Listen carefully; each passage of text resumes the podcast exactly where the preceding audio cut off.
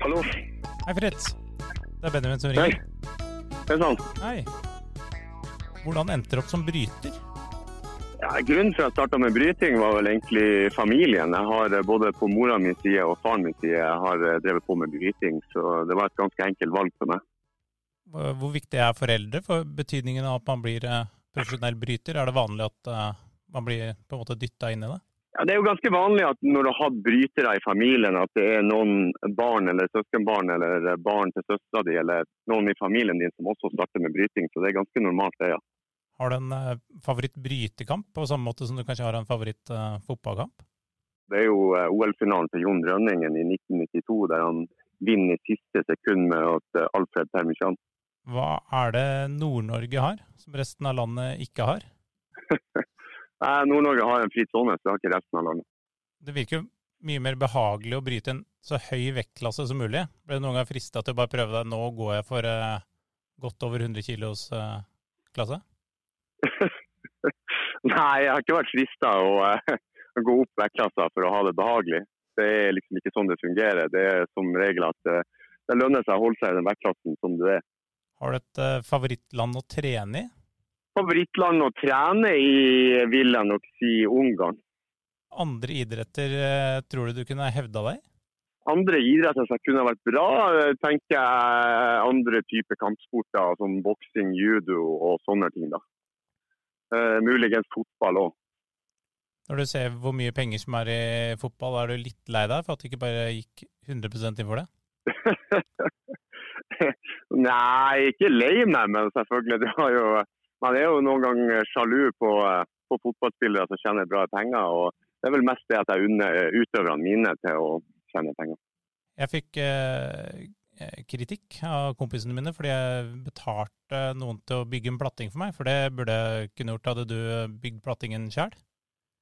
Jeg har bygd platting sjøl hjemme, ja. Det har jeg gjort. Har det vært vanskelig å holde på dialekta? Nei, jeg er av den typen som er egentlig litt sånn skuffa og forbanna på de som ikke klarer å holde på dialekten sin. Så for min del så har det ikke vært noe problem. Hva er en perfekt fridag? En perfekt fri, eh, fridag for meg er eh, solskinn på Mjøsa eh, i båten. En perfekt fridag. Føler du at du ble portrettert på en riktig måte i hodet i klemme? Det føler jeg. Jeg føler absolutt at det som bevisste vist av meg i hodet i klemme, er 100 meg sjøl. Det er det. Hvem er per dags dato Norges beste bryter? Per dags dato er Norges beste bryter er Morten Thoresen. Hvilken tatovering er du mest fornøyd med? Oi, den tatoveringa jeg er mest fornøyd med, er vel antageligvis den tatoveringa av dattera mi på armen.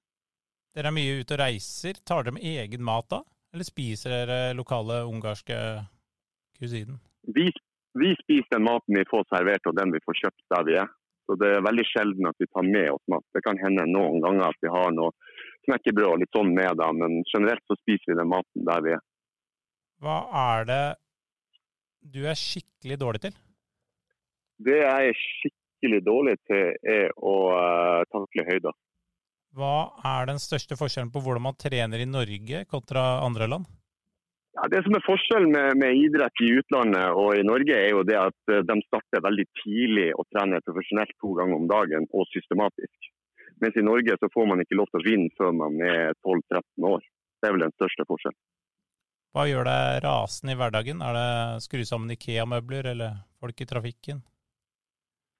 det som gjør meg rasende i hverdagen, er folk som kommer for sent. Kurt Angle, gammel bryter mm. fra USA, begynte med wrestling. Tror du du hadde klart deg mm. fint i wrestling? Jeg tror jeg hadde vært helt rå i wrestling. Det tror jeg faktisk. Så uh, det er egentlig litt synd at jeg ikke får prøvd meg der.